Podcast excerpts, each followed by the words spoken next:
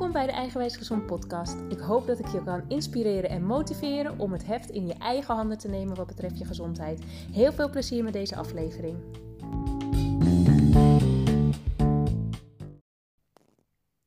Hey, leuk dat je luistert. Ik heb weer een ontzettend interessant interview voor je klaarstaan. Ik ben een tijdje terug bij Desiree thuis geweest en ik heb haar mogen interviewen.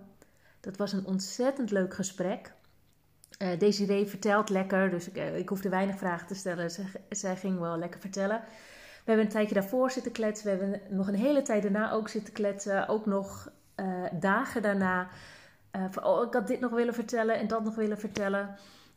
we zouden er zo nog een aflevering over kunnen opnemen. Maar dit is wat het nu is. En ik denk dat je er al heel veel uit gaat halen. Um, Even kort, Desiree is moeder van vier jongens. Zij kreeg vlak na de geboorte van haar jongste zoon, na een zoektocht te horen dat zij fibromyalgie en de ziekte van Crohn heeft. En toen werd haar ook gezegd van, je wordt nooit meer beter, dit is wat het is. Uh, je zal hulp nodig hebben bij de opvoeding van je kinderen. Je zal uh, hulp nodig hebben bij de opvoeding of uh, bij, de, bij het huishouden. En um, doordat zij het roer 180 graden heeft gedraaid en dat op het gebied van voeding, van ontspanning, beweging, maar ook een heel groot deel mindset, is zij op dit moment helemaal klachtenvrij. Um, heeft geen hulp nodig bij de huishouding, geen hulp bij de opvoeding van de kinderen. Dat doet ze gewoon samen met haar man. En uh, ze gebruikt geen medicatie, zelfs geen paracetamol. Ja, ik vind het echt een heel inspirerend verhaal. Ik hing aan haar lippen. Um, nou, we hebben het over gehad. Ze vertelt hoe het is gegaan, hoe, ze, hoe die diagnose kwam, wat er allemaal misging eigenlijk. Uh, tijdens de totstandkoming van de diagnoses. Uh, wat haar mening is over het ontstaan van ziektes. Dat vind ik zelf namelijk heel interessant ook altijd. Omdat ik uh, twee jaar geleden nog gezegd zou hebben: de oorzaak ligt bij voeding. Ik denk dat het nog steeds meespeelt, maar ik zie het ook wel heel erg als een, uh, een, een soort van noodrem bijvoorbeeld. Als je echt een, een chronische ziekte ontwikkelt, dat jouw lichaam van tevoren al heel veel signalen geeft, maar dat we daar niet naar luisteren. En als ik dat naar mezelf kijk, deel ik dat. Uh, ik denk ook dat er een grote oorzaak, of tenminste dat trauma, een groot uh, aandeel hierin speelt. Uh, maar dat vond ik wel leuk dat Desiree daar ook wel een beetje die mening over had. Waar hebben we het nog meer over gehad? Oh, het, ja, zoveel. Je gaat er zoveel aan hebben, denk ik, vermoed ik, hoop ik. En eh, laat het ons vooral even weten. Als je me hebt geluisterd en je hebt er iets aan gehad, of je hebt nog vragen, of je ehm, wilt andere mensen ervan op de hoogte stellen, dan kun je hem natuurlijk delen. Zeker mensen met dezelfde diagnose. Dat zou echt super fijn zijn. Want ik hoop gewoon op deze manier dat mensen hoop krijgen op een, uh, op een beter leven. Al dan niet klachtenvrij, maar in ieder geval uh, beter dan wat het nu is. Of het vooruitzicht. Dus laat het ons vooral weten. En wil je nog meer weten van Desiree, ga echt bij haar in de kapperstoel zitten. Um, ze gaat je uh, heerlijk in de watten leggen. Maar ondertussen kan je er ook alles vragen over, hoe, over haar ziektes. Uh, wat zij uh, doet.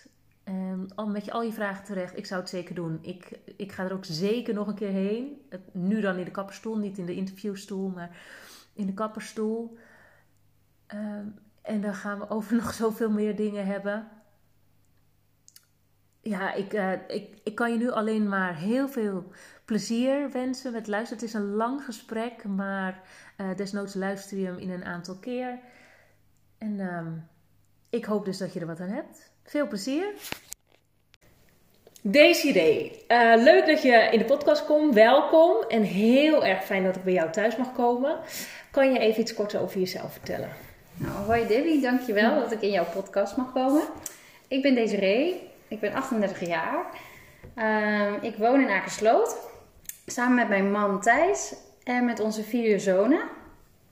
En ik ben net mijn uh, bio-hair wellness salon natuurlijk met deze begonnen. Om um, al het moois uh, te delen over uh, wat er mogelijkheden zijn van levensstijl. Nou, fantastisch. Helemaal goed, helemaal goed. En ik mag bij jou komen, want jij hebt fibromyalgie en de ziekte van Crohn. En um, ik denk dat sommige mensen weten wat het is.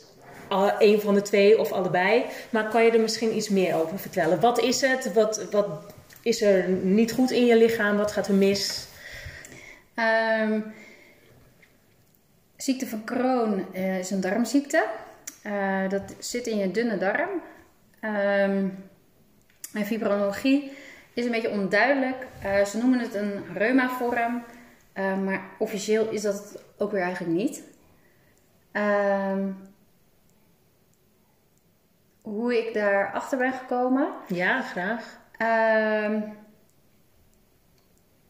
ik ben erachter gekomen doordat ik zeven jaar geleden, um, na de bevalling van mijn uh, jongste zoon, werd, ja, ging het niet meer met mij. Ik uh, had overal last van in mijn lijf en alles deed zeer. Uh, ik kon niet meer slapen, ik had hartkloppingen. Ja, kortom, het, het, ging gewoon niet goed. Dus toen ben ik naar de huisarts gegaan, meerdere malen. En ja, ik kreeg constant te horen dat ik rustig aan moest doen, dat ik tegen een burn-out aan zat. Maar je had vooral pijn? Ja. Of ging het ook in je hoofd niet? Nee, in mijn hoofd ging het juist heel erg goed. Ja.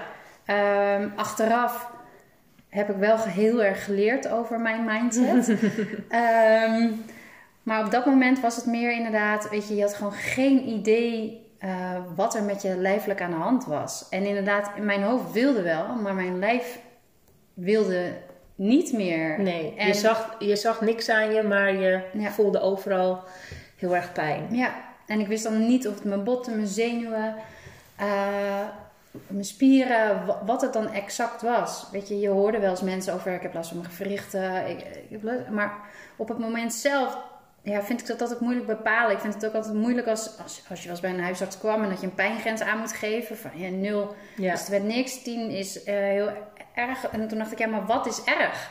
Ja. Um, ja, en op, op het moment dus dat ik bij de huisarts op een gegeven moment uh, wilde ze toch bloed afnemen. En toen bleek dus mijn vitamine D gehalte veel te laag. Um, en toen kreeg ik dus daar suppletie voor. En um, de suppletie moest ik voor het weekend moest ik dat ophalen. En na het weekend op maandag moest ik al gelijk weer nieuw halen. En dat vond ik heel erg vreemd. En ik dacht zelf van ja, wat is dit raar. Dus dat gaf ik aan bij de apotheek. Van waarom moet ik dit nu alweer opkomen halen? Uh, en toen zei de apotheeksassistent van nou, ik vind het vreemd dat jij dit krijgt. Toen ben ik naar de, heb ik weer naar de huisarts gebeld. En toen zei ik van ja, de apotheeksassistent vindt het raar wat ik krijg. En toen zei de huisartsassistente van uh, daar mag zij zich helemaal niet mee bemoeien. Um, leg je klacht maar neer bij de apotheek. Nou goed, uh, dat was... Terwijl zij jou eigenlijk een dienst bewees, toch? Van... Ja, ja. Ze wilde jou ja, helpen. Helpen, ja. ja. En uh, ondertussen moest ik sowieso na een week weer terugkomen bij de huisarts om te bespreken hoe het ging. En um, na het weekend dus ontwikkelde ik ook koorts. En toen dacht ik, ja, waar komt dit dan vandaan? En omdat ik borstvoeding gaf, dacht ik van, nou ja, heb ik dan een borstontsteking? Maar uiteindelijk bleek, dacht ik van, ja, dat heb ik niet, want dat heb ik wel eens eerder gehad. Maar goed, toen kwam ik dus bij de huisarts weer op controle. Toen gingen we eigenlijk kijken van, ja, waar komt je koorts dan vandaan? En goed, en net op het moment dat ik eigenlijk weg wilde gaan, gaf ik nog bij de huisarts aan van, wat had je eigenlijk een raar recept uitgeschreven? Uh, en toen, op dat moment keek zij in de computer en las zij mijn uitgeschreven, wat zij uitgeschreven had op. En toen zei ik, ja, maar wat jij nu tegen mij zegt, dat staat niet op mijn doosje. Uh, en toen moest ik dus mijn doosje gaan halen en dus aantonen van, nou ja, dat klopt werkelijk waar niet. Um, dus ik Want je zou eigenlijk vitamine D moeten krijgen. Ja. En wat had je gekregen? Ik moest 100.000 eenheden krijgen. En ik had 600.000 eenheden gekregen. Um, dus dat was nog best wel gevaarlijk ook. En op dat moment uh, moest ik dus gelijk naar de eerste hulp om bloed af te laten nemen. Uh, of tenminste, daar gingen ze eerst bloed afnemen. En ja, toen bleek inderdaad, mijn vitamine D-gehalte was helemaal aangevuld. Die was in één keer Binnen no time. eh, klap goed. Maar mijn ontstekingswaarden waren veel te hoog. Eh, dus toen eigenlijk zo dusdanig hoog dat ze gelijk gingen kijken van oké, hier klopt echt iets niet. Eh, en toen zijn ze gaan zoeken. Toen hebben ze longfoto's gemaakt en eh, overal een beetje naar gekeken. Maar ze konden op dat moment niks vinden. Toen wilden ze me met een antibiotica kuur naar huis sturen. En toen had ik zoiets van ja, dag. ik ga niet een antibiotica kuur slikken voor iets wat ik niet weet waarvoor ik dat moet doen. Nee. En ook omdat ik borstvoeding gaf. Ja. Ehm, dus, en nou ja, toen mocht ik even goed naar huis. Maar als het in het weekend erger zou worden, dan moest ik weer aan de bel trekken bij hun. Nou goed, ik werd zieker. Dus toen ben ik weer teruggegaan naar de eerste hulp. Toen hebben ze weer bloed afgenomen. Nou, en het bleek dat het klopte, want het was allemaal nog meer verhoogd als dat het al was. Eh, en toen vroegen ze van, eh, ja, waar heb je nou precies last van? Maar dat kon ik dus heel moeilijk zeggen, omdat ik gewoon echt overal last van had. Ja. En toen eh, zei ik, maar ik heb ook wel eens last van mijn buik. Eh, en toen gingen ze dus een echo maken, van, of een echo op mijn buik maken. En toen konden ze mijn blinde darm niet vinden. Oh. En toen moest ik, werd ik opgenomen. En zou ik de volgende dag zou ik een scan, MRI-scan krijgen. Eh, ja, om, om dus te kijken van eh, wat is met die blinde darm aan de hand. Nou ja, voor die MRI-scan moet je dat contrastvloeistof moet je nemen. Maar ik gaf borstvoeding. En ja, ik heb echt wel twintig verplegers, artsen, binnen, uit, in, uit, in, uit. Waar ik allemaal aan vroeg, mag ik borstvoeding blijven geven terwijl ik dat contrastvloeistof neem? Nou, de een zei nee, de ander zei ja, nee, ja, nee, Oh, ja. wat Dat lastig. ik echt dacht van, waar ben ik beland? Ik ben toch hier waar ze weten hoe of wat? Ja. Ehm, en toen uiteindelijk eh, kwamen ze aan van oké, we hebben toch in het, op online gevonden, in het artsenboek, weet ik veel wat, eh, dat het toch mag. Ehm, en dat geen kwaad kon voor mijn zoontje. Maar goed, toen heb ik dus de volgende dag heb ik dus de scan gekregen. En toen zagen ze dus wel mijn blinde darm hadden ze gevonden. Eh, dat was dus allemaal gewoon prima. Maar ze zagen wat in mijn darmen zitten. Eh, nou, toen vroeg ik van ja, waar denken jullie dan aan? Nou ja, toen dachten ze aan een tumor, eh colitis ulcerosa, ziekte van Crohn. Eh, nou, zo werden een beetje de opties benoemd. Ehm, toen ben ik zelf ook weer gaan, want de dag daarna zou ik dan gelijk een endoscopieonderzoek krijgen. Maar goed, dan moest ik ook weer dat vloeistof om leeg te lopen, zeg maar, voor drinken. Dus toen ging het weer hetzelfde. Mag ik nou wel borstvoeding geven? Niet wel, niet wel. Ging exact hetzelfde. Nou, toen dacht ik van, nou, ik ga zelf maar eens kijken of ik klachten herken van wat hun aangeven, wat het dan kan zijn. Ja. Nou ja, en bij, eigenlijk bij de ziekte van Crohn, toen eh, dacht ik, van- las ik en toen dacht ik, nou, dit heb ik niet. dus, nou, daar was ik eigenlijk het snelste mee klaar. Dat ik dacht van, nee, dit herken ik helemaal niet. Want, nou, eigenlijk kwam het voornamelijk omdat er dan stond eh, dat je heel erg afviel, zeg maar zo. nee, ja, ja, dat dacht ik, nee hoor, dat is niet aan de orde. Dus toen, ehm, eh, nou ja, de volgende dag dus dat endoscopieonderzoek. En toen kwam ik dus op de afdeling, of eh, op de afdeling van het endoscopieonderzoek. En op de afdeling waar ik lag, hadden ze nog geen infuus gezet. Dus de verpleegster, die was een beetje geïrriteerd. Eh, want ze had, ik was de laatste voor de pauze en ze wilde graag een sigaretje roken. En eh, dus ik zeg nog van, joh, doe het even lekker snel. En eh, dan heb jij lekker zo pauze, zeg maar. Maar goed, nou ik word de kamer ingereden. Een infuus was gezet. En ik lig, moet natuurlijk op mijn zij gaan liggen. En nou ja, dat roesje wordt ingespoten. En ik kijk die vrouw aan. En ze zegt, eh, wat zit je me nou aan te kijken? Dus ik zeg, zit je me nou aan te kijken? Ze zegt, ben je wakker? Ik zeg, ja. Ze zegt, echt niet? Nou, ik zeg, echt wel. Dus ik deed mijn been zo omhoog van, moet ik even naar de deur lopen? Dus nou ja, de arts en de verpleegkundige achter me... Die, eh, dus zij zegt, ze is nog wakker. Dus die komen zeg maar aan mijn voorkant en gaan aan mijn infuus draaien. Nou ja, de bloed spoot eruit, maar dat was een goed teken, want dan zat hij dus goed. Dus ik maak nog een grappige opmerking van... jongens, spuit mij maar plat, want ik hoef dit niet mee te maken. Dus toen kreeg ik nog een keer een dosis ingespoten, maar ik bleef wakker. En Hè? toen gingen ze dus gewoon beginnen. En ja, dan voel je echt een vark op die tafel. Want die slang dan eh erin Ja. gedouwd. En dan maak je dus echt alles mee dat ze dus... eh, die slang die moet dus door je darmen, dat ze op je buik lopen te duwen... om dat dus goed er doorheen te krijgen. Nou goed, dat allemaal tot daaraan toe. En toen was het eigenlijk klaar. En toen kwam ik op de afdeling. En toen kwam de arts zeg maar bespreken van nou, wat ze hadden vernomen, zeg maar, eh, wat ze gezien hadden. En toen zeiden ze nou, ehm, voor 98% uh, heb je de ziekte van Crohn. En hier is een receptje en wij zijn uh, klaar. En ik dacht echt, hoe dan? En toen ben ik dus naar huis gegaan, omdat ja, hun waren uitbehandeld. En ik dacht, ik uh, kom hier met een overdosis vitamine D en ik ga eruit met de ziekte van Crohn. Ja. Maar goed, uh, nou ja, ik ben niet aan de medicatie gegaan, omdat ik dus nog steeds borstvoeding gaf en daar moest ik mee stoppen. En ik zag alle bijwerkingen, dat ik mannelijke trekjes kon krijgen. En ik dacht echt, ja hallo, dit, dit ga ik echt niet doen. Dus nou ja, toen weer op controlebezoek bij de huisarts. En eigenlijk uh, nee, gewoon weer alles besproken. En toen zei ze, ja, maar wat jij nu doet, dat mag niet, weet je. Het ziekenhuis heeft uh, dit en dit... Uh, hoe noem je dat? Voorgeschreven of ja, geadviseerd. geadviseerd. En dan kan jij niet zomaar dat nu niet gaan doen. Dus zij ging bellen met het ziekenhuis waar ik bij was. En uh, nou ja, ging gewoon op luidspreker. En toen had ze dus een darmspecialist uh, waar ze mee in overleg ging. En die zei van ja, als mevrouw echt niet aan de medicatie wil, ja, dan, dan niet. Uh, nou ja, dat klonk natuurlijk als muziek in mijn oren. Maar ja. ondertussen was ik nog steeds, had ik nog steeds klachten. Mijn koorts ja. was wel weg, maar... En hoe verklaarden ze die pijn dan overal? Want dat hoort toch niet bij de ziekte nee, van Crohn? Nee, maar dat komt dus later. Um, op dat moment uh, dacht ik van nou, ik moest weer terug naar het ziekenhuis om naar de darmspecialist te gaan. En toen heb ik, wilde ik niet naar de man die mij behandeld heeft. en ik wilde wel naar de man die de huisarts dus aan de telefoon had gehad. Want ik dacht, ja, daar heb ik meer oren naar. Ja, precies. dus nou ja, dat kon. En ik kwam bij hem en ik ben twee keer bij hem geweest. En hij kon eigenlijk, ja, niks verder met mij. En hij zei van, ja, wat zijn nou je hoofdmoot aan klachten? Ja, toen zei ik mijn spieren, mijn gewrichten, mijn zenuwen. En zeiden ja, daar kan ik niks mee. Dus ik verwijs je door naar een reumatoloog. En bij een reumatoloog uh, kwam dus uiteindelijk fibromyalgie eruit. Uh, omdat ik dus heel erg uh, last had van drukpunten, zeg maar. Dat ja. Als iemand ja, want dat is ook de manier waarop ze de... Ja, diagnose stellen. Ja. ja. Want het kan niet uit je bloed aangetoond worden.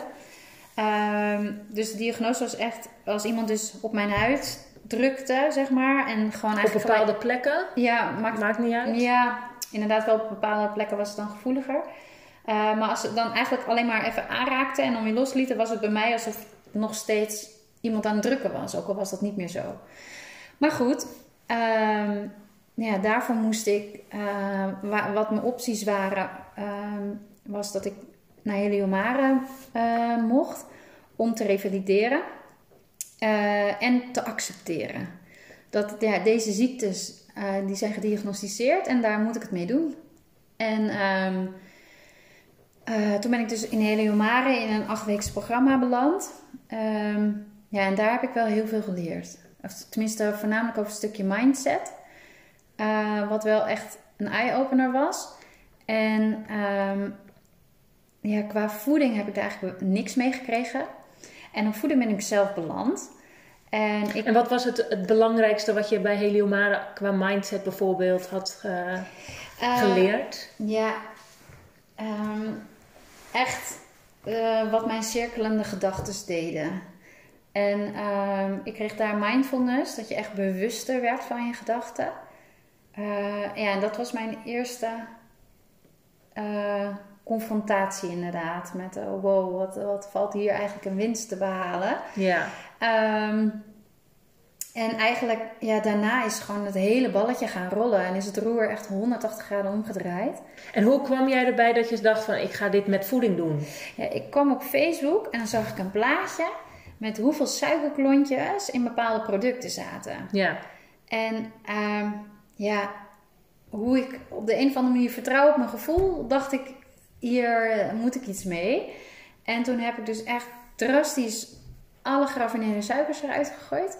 En ben ik eigenlijk de, de eerste boeken die ik ben gaan lezen waren van Corolla van Bemelen. Uh, en uh, daar ben ik zo'n korte online cursus toen gaan doen. En die gaf me al veel inzichten. En uh, ja, doordat ik dat drastisch ben gaan doen, uh, merkte ik gelijk al heel veel verschil. Want echt zoveel klachten verdwenen. Dat was echt ongekend. En wat waren dan die inzichten die je had gekregen? Waar, waar moest je op letten? Qua voeding? Ja? Ehm, nou ja, wat ik voornamelijk altijd, uh, een droom, uh, dacht ik dat dat al aardig gezond was. Um, wat natuurlijk een enorme valkuil is, ook bij mensen. Uh, dat als je vraagt van ja, ik, ja, ik eet gezond, maar Ja. wat is Ja, gezond? precies. Ehm, dus ik ja, altijd heel veel light producten. Ja. Ehm eh, magere yoghurt, eh, cola light. eh, eh, nou ja, op die melk verzin het maar, als het maar light was. En ehm, nou ja, dat, eh, ja, dat, dat roer mocht echt om. Want Ja. alles wat ik deed, dat was niet zo handig. Eh, ik heb heel erg merkte dat heel veel verbetering in dat ik stopte met die cola light. Ehm, ja, dat was eigenlijk wel een van de grootste verschillen. En toen heb ik heel lang dus eerst geen geraffineerde suikers dus gegeten. En heeft echt wel veel verbetering gebracht. Maar uiteindelijk, eh, nu na zeven jaar, ehm, eh, ik had zoveel verbetering qua lijfelijk. eh, alleen het was nog niet top. Niet, tenminste, ik ben heel erg naar ontlasting gaan, gaan kijken. Van Ja. oké, eh, en daar, dat was niet optimaal. Het schommelde veel te veel. En ehm, ja, qua structuur was het ook nog niet dat je denkt van ja, je we- ondertussen wist ik gewoon dat het Ja. ehm, hoe het ondertussen moest. Want ondertussen heb ik ook nog eh, een ortomoleculaire uh, natuurvoedingsopleiding gevolgd. Omdat ik, ehm, ja, dan denk je toch dat je een papiertje nodig hebt Ja. om eh Ja, heel je dan herkenbaar. pas er recht van spreken. Ja. En, ehm, maar goed, ik had dus echt al zo diep onderzocht dat het eigenlijk meer een bevestiging was. Dat ik wel goed eh, bezig was, eh, in ieder geval. En ehm, ik nam dus altijd al prebiotica eh, in de vorm van psylliumvezels. En ja, daarin merkte ik wel ook alweer verbetering. Maar uiteindelijk inderdaad, ja, nogmaals, het was nog niet optimaal. En eh, in het nu, ehm, ik ben ook trouwens even terug.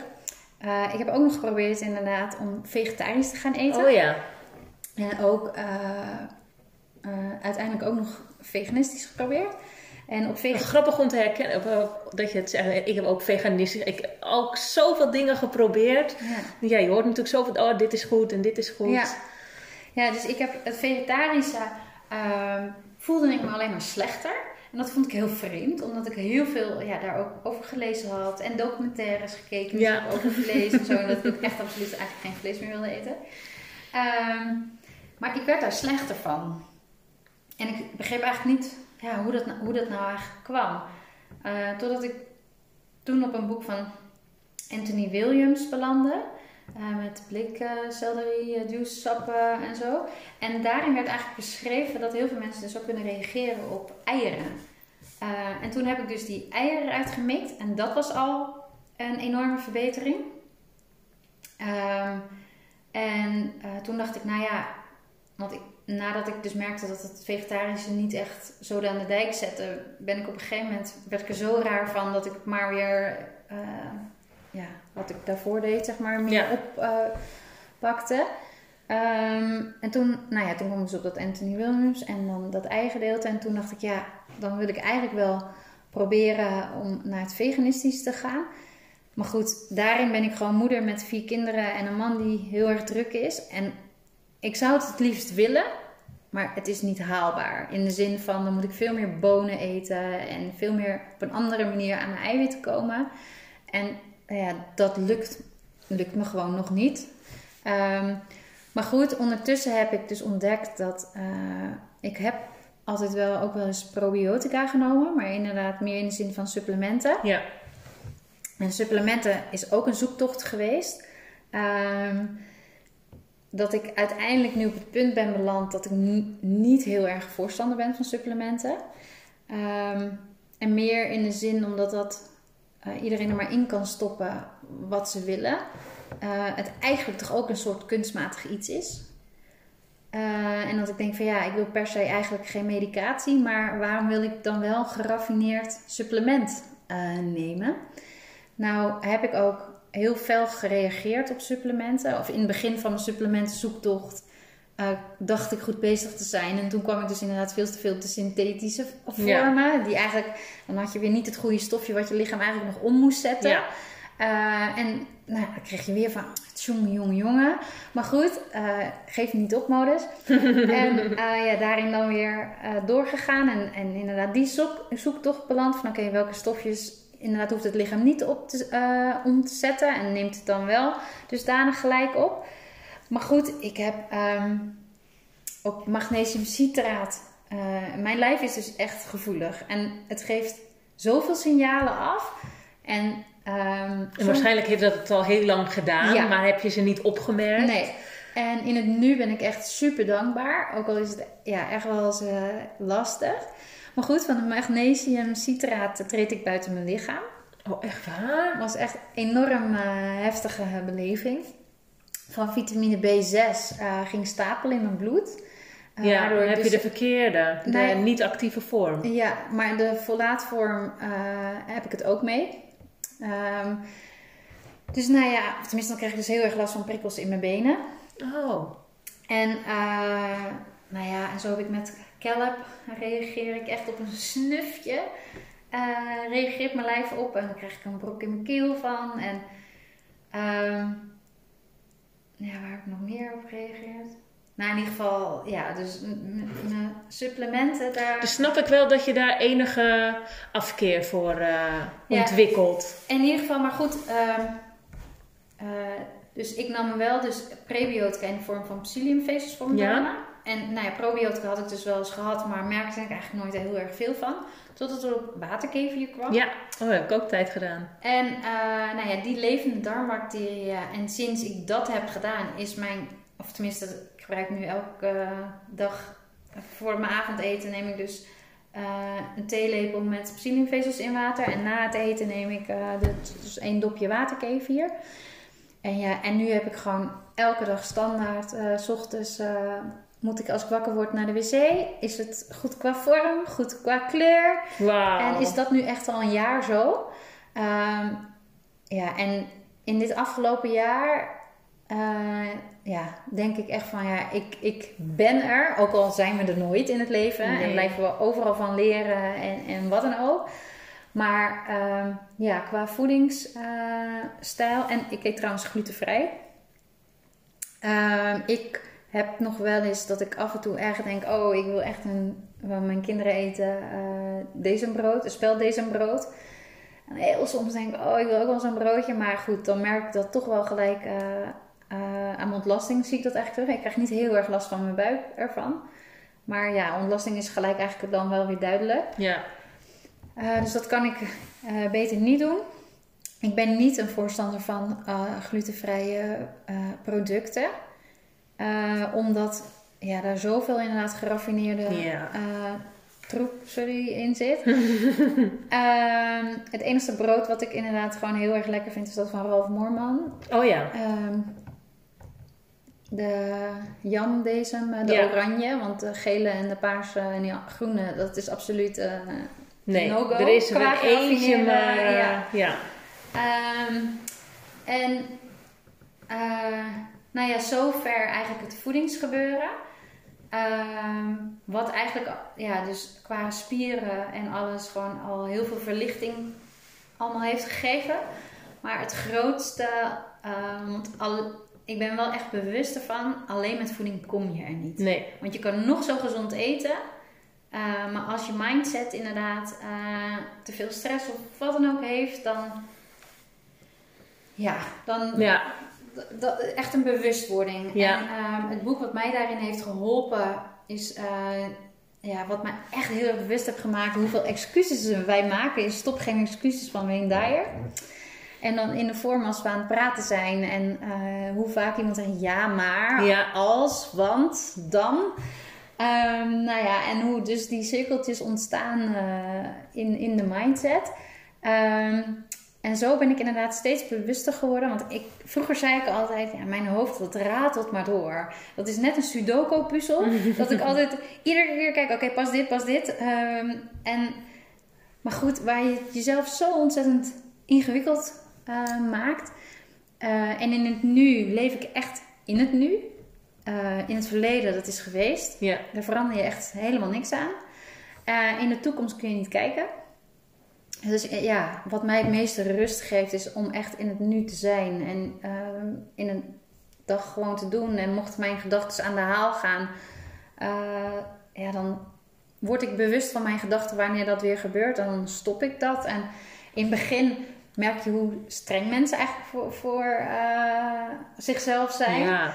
Uh, en ja, ook daarin een bewustwording krijgen van oké, maar ben je ook zo streng tegen een ander of inderdaad alleen maar tegen jezelf? En um, nou ja, aardig, ik heb wel aardig last van perfectionisme. dus ik was behoorlijk uh, streng tegen mezelf. Ja, en dat heb ik ook omgeturnd. Uh, ook met Louise Hay, met Je kunt je leven helen. Um, ja, vond ik wel een lastig boek. In het begin moest ik heel erg om, om lachen wat ik, wat ik lees, omdat ik, uh, of wat ik las. Dat ik dacht van, uh, nou ja, weet je, uh, vooral de opdrachten met dat je in de spiegel moet gaan kijken. Ja. En dat je inderdaad jezelf moet aankijken. En dat je gewoon tegen jezelf moet zeggen, ik hou van je. Ja. Heb je het wel eens geprobeerd? Ja, ik heb dat gedaan. Ik ook, ja. ja. Maar, ja het, het voelt toch nog niet helemaal... Ja, misschien moet ik het vaker doen hoor. Ja. Maar het zit nog niet op mijn... Uh, dat het standaard in mijn programma zit. Ja. Maar dat ik wel dacht, ja, ik ga het gewoon proberen. Ja, ja ik heb dat dus echt, echt met een glimlach echt dacht, deze wat ben je aan het doen? maar goed, uh, ik vond het op de een of andere manier ook wel wat hebben. En mijn zelfbeeld was dus inderdaad uh, niet zo goed. Ik, ik, wist niet wie ik was, ik wist niet waar ik voor stond. Um, en uh, ja, ik hield niet van mezelf. Ik vond mezelf niet belangrijk. En ik inderdaad, weet je, het, het cliché, inderdaad, mensen zeggen, ja, je kunt pas van een, uh, van een ander houden, uh, maar dan moet je eerst van jezelf houden. Ja, dat is echt wel waar. Um, dus ja, ik heb geleerd om van mezelf te houden. Dus ik uh, kan nu helemaal in het nu zeggen dat ik gewoon blij ben met mezelf. Oh, wat heerlijk. En um, nou, gelukkig hoef ik niet meer in de spiegel elke dag uh, inderdaad te zeggen. Hé, hey, stopper! maar uh, ja, wel... Ja, het is wel echt heel mooi geweest. En het is echt heel belangrijk dat je dus inderdaad jezelf accepteert. Um, en inderdaad gewoon... Ja, ik ben, ik ben gewoon in het nu ben ik gewoon zo dankbaar voor alles. Ook, voor ook mijn... wat je hebt meegemaakt, denk Ja. ik, toch? Met je Ja. ziektes. Je hebt er zoveel van geleerd. Ja. En eh, je hebt er zo... Nou ja, daardoor ben je wat je nu bent. Ja. Anders had je hier misschien niet gekomen. Had je niet zo in het nu kunnen leven en van jezelf kunnen houden. Nee. Dus dat, eh, ja, gewoon echt enorm dankbaar. Hoe heftig het ook is geweest. En op een gegeven moment kwam ik, ehm, nou ja, na inderdaad de mindset al. En ja, ben ik ook gaan yoga eh, gaan doen. En uiteindelijk in Castricum, bij Yoga Castricum, heb ik eigenlijk de houdingen bij Anita geleerd. Echt een topper qua eh, ja, de juiste houdingen aanleren. Waar ik in het nu nog steeds denk als ik yoga doe, trek je knie omhoog. Zeg maar, erin gestampt zit. En uh, nou, op een gegeven moment ben ik wel naar een andere yogaschool gegaan. Um, um, bij Flow Yoga in Castricum. Omdat daar ook warmtelessen werden gegeven. Ja, en voor Wat mij, is dat? um, ja, dan is het echt gewoon, zit je in 40 graden, ga je yoga doen. En Was dat waar Wendy van Dijk toen een keertje, jaren geleden had ze ook zoiets over, volgens mij Ja. was het ook yoga in Ja, warmte. hot yoga. Ja. Ja. ja, En hot yoga is dan echt heel erg actief. Dus uh, mocht ik zeg maar echt een beetje nadenken van ik mag wel even pit erin, zeg maar, dan deed ik lekker hot yoga. Maar al was, het, was ik heel erg druk en gebeurde er heel veel, dan pakte ik een heerlijke yin yoga in de warmte. Uh, en dan voelde je echt, weet je, dat is echt loslaten. Um, uh, en ook al die boodschappenlijstjes en dingen. Maar dat gaat dus uiteindelijk gaat dat echt vanzelf, mensen. het is echt een kwestie van even ja, daardoorheen. En niet van ik kan dat niet hoor. Nee. Uh, kan ik niet, ken ik niet. Nee. Um, dus uh, ja, ja dat, in het nu vind ik dat echt heerlijk. En voor mijn lijf zou ik dat eigenlijk. Uh, want op een gegeven moment ben ik wel gestopt, omdat ik dat financieel gewoon ja, best wel duur vond. En daar kom ik weer, dat ik, omdat ik um, de laatste jaren moeder alleen maar ben geweest. En zelf dan geen inkomen had. Of, um, en mijn man uh, nou ja, voor alles eh, wel opdraaide qua financieel. En ja, dan vond ik het zo duur, dus dat gunde ik mezelf niet. Oh ja. Dus eh, ja, dat stukje, ik hou van mezelf en ik vind dat ik goed voor mezelf moet zorgen. ik ben het waard. Ja, maar goed, dat, ja, dat, dat, uh, dat dan weer net niet. maar toen ben ik wel thuis geprobeerd om dat meer te doen. Maar goed, in het nu met de lockdown en alles is dat er best wel bij ingeschoten. Maar ik merk lijfelijk wel dat ik het mis. Ja. En ehm, en dan is het eigenlijk, als je dat nu zo ervaart, dan, dan maakt het eigenlijk niet zoveel uit wat het kost. Want je lijf heeft er gewoon heel veel baat bij. Ja, ja. Ja, vooral inderdaad bij de, met de warmte. Want dat kan je thuis niet nabootsen. Nee. Ehm, en voor de rest ja, was ik dus al heel dankbaar voor alles wat ik heb mogen leren. Ehm, en op een gegeven moment kreeg ik... Ja, ik ben op, vind het heel leuk om podcasten te luisteren. en welke luister je dan? Uh, van Richard de Let. Oh ja, die luister ik ook. Uh, Oersterk. Uh, Michael Pilatschik vind ik heel erg mooi. jouw podcast. Leuk. even kijken. Eigenlijk zou ik mijn telefoon erbij gaan moeten kijken. Waar ik nog meer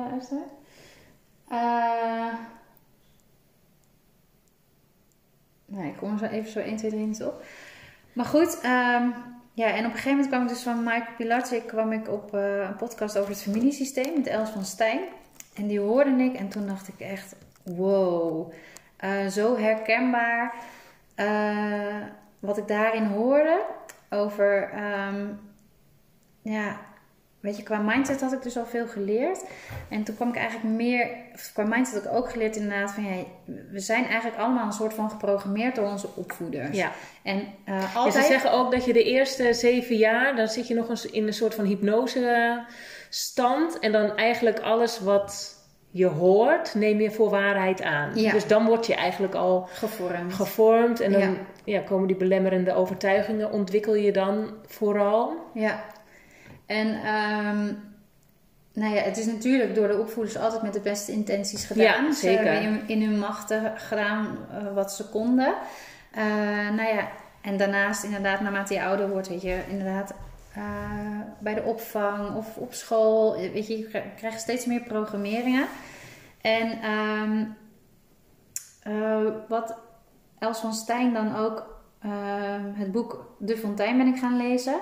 En wat ik daarin dus inderdaad bewust van werd, inderdaad nog meer van die programmeringen. Um, ik, en dat waren cadeautjes. Want ik was al zo dankbaar dus voor alles wat ik al ja, als heb mogen ervaren. En ik had niet verwacht dat ik eigenlijk nog meer cadeautjes kon krijgen qua vorm van. Ik had nog wel wat vragen van uh, waarom doe ik zoals ik doe? En waar komt het vandaan? En um, hoe ontstaat dat dan? En in die zin uh, heb ik dus, uh, bleek dus dat ik, ik heb heel erg last van bewijsdrang, het perfectionisme. dat het eigenlijk komt omdat ik dan iets met mijn vader heb. En um, nu is het zo dat mijn vader uh, dat hij klein was. Uh, op vierjarige leeftijd uh, gingen zijn ouders scheiden. En er, waren, of er zijn zes kinderen. En twee waren oud genoeg om op zichzelf te gaan wonen. Twee gingen naar een kinderthuis. En mijn vader en zijn jongste zusje gingen alle twee naar een oom en tante. En ja, wat ik daarvan kan zien is dat mijn vader eigenlijk heel erg verhard is. En niet heeft meer is gaan voelen.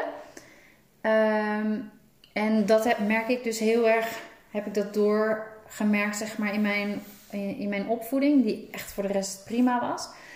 Maar um, ja, qua voelen merk ik dat mijn vader eigenlijk altijd vond dat wij niet mochten voelen. Ja. Uh, in de zin van, ja, je bent niet zielig, dus je hoeft niet te huilen. Um, ja, en dat is me best wel bijgebleven, waardoor inderdaad mijn zelfbeeld uh, ja, denk ik dat het daar vandaan komt dat, dat, dat ik mezelf niet zoveel waard vond. En heel erg geprogrammeerd van, ehm, ja, iemand die ergens voor geleerd heeft, die heeft recht van spreken. En jij hebt er niet voor geleerd, dus moet je gewoon je mond houden. Ja. Um, uh, en de bewijsdrang in de zin van uh, dat ik heel erg mijn kinderen omarm. Uh, kwam ik dus eigenlijk achter van ja, waar komt dat dan vandaan? omdat, nou ja, mijn ik dus een soort bewijsdrang had naar mijn vader van ik kan wel goed voor mijn kinderen zorgen en ik laat ze niet gaan. En um, ja, vond ik heel mooi om te ontdekken hoe dat eigenlijk zat. En ehm, ik heb een oververantwoordelijkheidsgevoel. Ehm, wat ook lastig is, want ik kan me dus Ja. heel erg zorgen maken Om iemand anders. om iemand anders. En ik denk oplossingsgericht. Eh, ik kan heel snel schakelen. En ik vind het dan ook altijd heel lastig als ik mensen ja, dus zie worstelen. ehm, dat ik dan eigenlijk al gelijk zoiets heb van... Oh, maar je kan het zus of zo. Ja. Of, of, ehm, maar dat deed ik altijd heel voorzichtig. Want eh, daarin was ik niet zo- zeg maar dat ik gelijk zei van... Hé, hey, eh, je kan het ook zo doen of zo. Ja. Ehm, maar goed, Maar het speelt wel heel veel in je hoofd dan natuurlijk. Ja. Dus je bent heel veel met die persoon bezig. Ja. Terwijl diegene daar misschien helemaal niet... eh, op zitten wachten. Nee, Nee. Maar het vraagt wel veel van jouw energie en van Ja. jouw... ehm, Ja, en ook daarin heb ik heel erg, eh, ook daarin heb ik geleerd. En waar dat vandaan kwam, omdat ik dus wel heel erg merkte dat ik daar last van had, ehm, eh, kwam ik dus ook via het familiesysteem erop dat ik heb een, zelf een, ik ben zelf de oudste van vier kinderen. En eh, na mij komt eh, mijn broertje. En daarna heb ik een overleden broertje. En daarna heb ik dus twee zusjes. Ehm, en op het moment dat mijn moeder zwanger was van mijn overleden broertje, eh, wist ik als meisje van 6, 7, wist ik dat mijn moeder ziek was en dat het niet goed ging met de zwangerschap. En eh, ik voelde elke dag altijd alsof of mijn broertje nog schopte. En eh, tot op de dag dat, het, dat hij dus niet meer schopte. En toen is hij levensloos geboren op vrijdag de 13e. Eh, en hebben mijn ouders afstand gedaan van mijn broertje. Ehm, en eigenlijk gedaan ja, op een bepaalde manier alsof het niet gebeurd is. Ook geen foto's, iets of gedenk iets. Ja, mijn moeder heeft wel een kettingje trouwens om. Maar dat is echt het enige. En daar is eigenlijk nooit meer over gecommuniceerd. En ehm, wat ik dus van het boek van Els van Stijn heb geleerd, is eh, dat daar dus als jong meisje bij mij het verantwoordelijkheidsgevoel eh, ja, al heel jong is begonnen. Terwijl ik daar Ja. te jong eh, voor was. Maar goed, in het nu, ik vind dat allemaal niet erg. Ik vind het al heel mooi dat ik weet waar het vandaan komt. ja, precies. Dat is soms voldoende. Ja, en in het nu heb ik ook geleerd van oké, als ik me dus weer ergens druk om kan maken, of ergens zorgen om maak, dat ik aan mezelf vraag: oké, deze, is dit jouw verantwoordelijkheid? En hoe vaak ik eigenlijk nu opkom, nee. Het is niet mijn verantwoordelijkheid. En dat ik echt denk van, wow, dit is echt niet normaal. Ja, maar dat is al een eh. hele grote stap, Ja, toch? Wat een rust eh, dat ik me, ja. Eh, dus dat, ja, echt ongekend gewoon. En voor de rest staan er gewoon zoveel mooie tools ehm, in. Dat het zo belangrijk is dat je op je plek staat in de fontein, in het familiesysteem. Ehm, want als je dus inderdaad jezelf eh, boven je ouders heft, zeg maar, of ze heel iets kwalijk neemt, eh, dat dat heel erg eh, te maken kan hebben met hoe je je, je voelt. Ja. Ehm, en ja, daarin sta ik dus gelukkig wel aardig stabiel, want ik, ik neem mijn ouders helemaal niks kwalijk. Eh, Die band is nu ook gewoon, is ook gewoon is goed. gewoon prima. Ja. En hun hebben echt ten alle tijde gedaan wat hun het beste Ja, heeft, heeft eh, ja, wat in hun machten lag en hoe, hoe ze dachten dat dat het beste was. Dus neem ik ze zeker niet eh, kwalijk. En ehm, ik heb ook even gemerkt, toen ik het boek al had gelezen, dat het niet zo goed ging met mijn oma. En dat ik daar zelf eh, actie in heb ondernomen. Eh, En was dat aan de kant van je... moederskant. Ehm, dus, en wat er toen gebeurde was, omdat ik merkte, ik deed mijn oma zijn haar veende ik altijd. eh, en op een gegeven moment, nou was ik druk met jongens, dus toen verwaterde dat. En op een gegeven moment ging ik dat weer doen. En toen merkte ik eigenlijk dat het niet zo goed ging met mijn oma. En ehm, dat ik dacht, ja, dat klopt iets niet. Ze zit gewoon in een delier. Nou ja. In een delier? Ja, een delirium. Eh, en dat kan, eh, dan ben je een beetje verward. En, eh, ja, doe je een beetje rare dingen. Ja. En dat bleek dus ook zo te zijn. Ze had dus een heel erg blaasontsteking. Oh jeetje. Ehm, maar mijn opa, die is eh 14 jaar geleden overleden. En mijn oma ja, heeft dat in tot in het nu er altijd nog heel erg verdriet van. En is zich eigenlijk op een bepaalde manier gaan verwaarlozen. En zeker de laatste jaren, want ik kwam er dus ook achter dat ze eigenlijk alleen nog maar Mona-pudding at. Oh. en cola dronk en s'avonds wijn. En dat ze eigenlijk ja, dus niet meer voor zichzelf goed zorgde. Nee.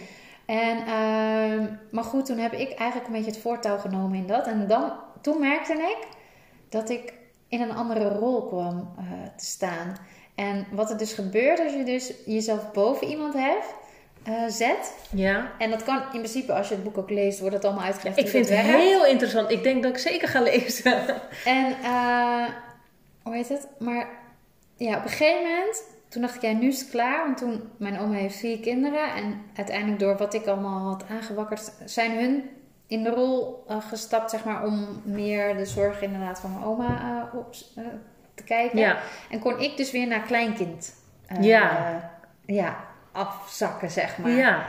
Ehm, en het was heel mooi dus met de ervaring wat ik had gelezen en dat ik ook dus bewust was eh, ja, wat, wat dat deed en wat er gebeurde. En ook, ehm, nou ja, doordat mijn oma zo onder voet is geraakt. Ja, en daar kan ik ook nog wel eh, van alles over zeggen. nou, dat ga ik trouwens ook wel doen. Want ik vind dat ergens wilde ik dit heel graag delen in een podcast. Ehm, doordat mijn oma dus heel erg in het verdriet heeft geleefd Ja. en zichzelf een beetje ging verwaarlozen, ontwikkelde mijn oma suikerziekte. Oh ja. En ehm, heel veel mensen, wat ik dus niet wist, maar ja, mijn oma is wel het bewijs, ehm, krijgen dus, omdat ze suikerziekte ontwikkelen, preventief andere medicatie. Voor? Eh, hoge bloeddruk ja. en nog een aantal andere dingen. En ehm, ik vind het dus niet raar dat oudere mensen passiever worden. Omdat ehm, daar echt wel een dingetje speelt waar veel meer naar gekeken mag worden.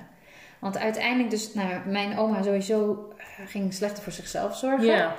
Ehm, en uiteindelijk heeft mijn oma de rug gebroken. Oh. En is in het ziekenhuis beland.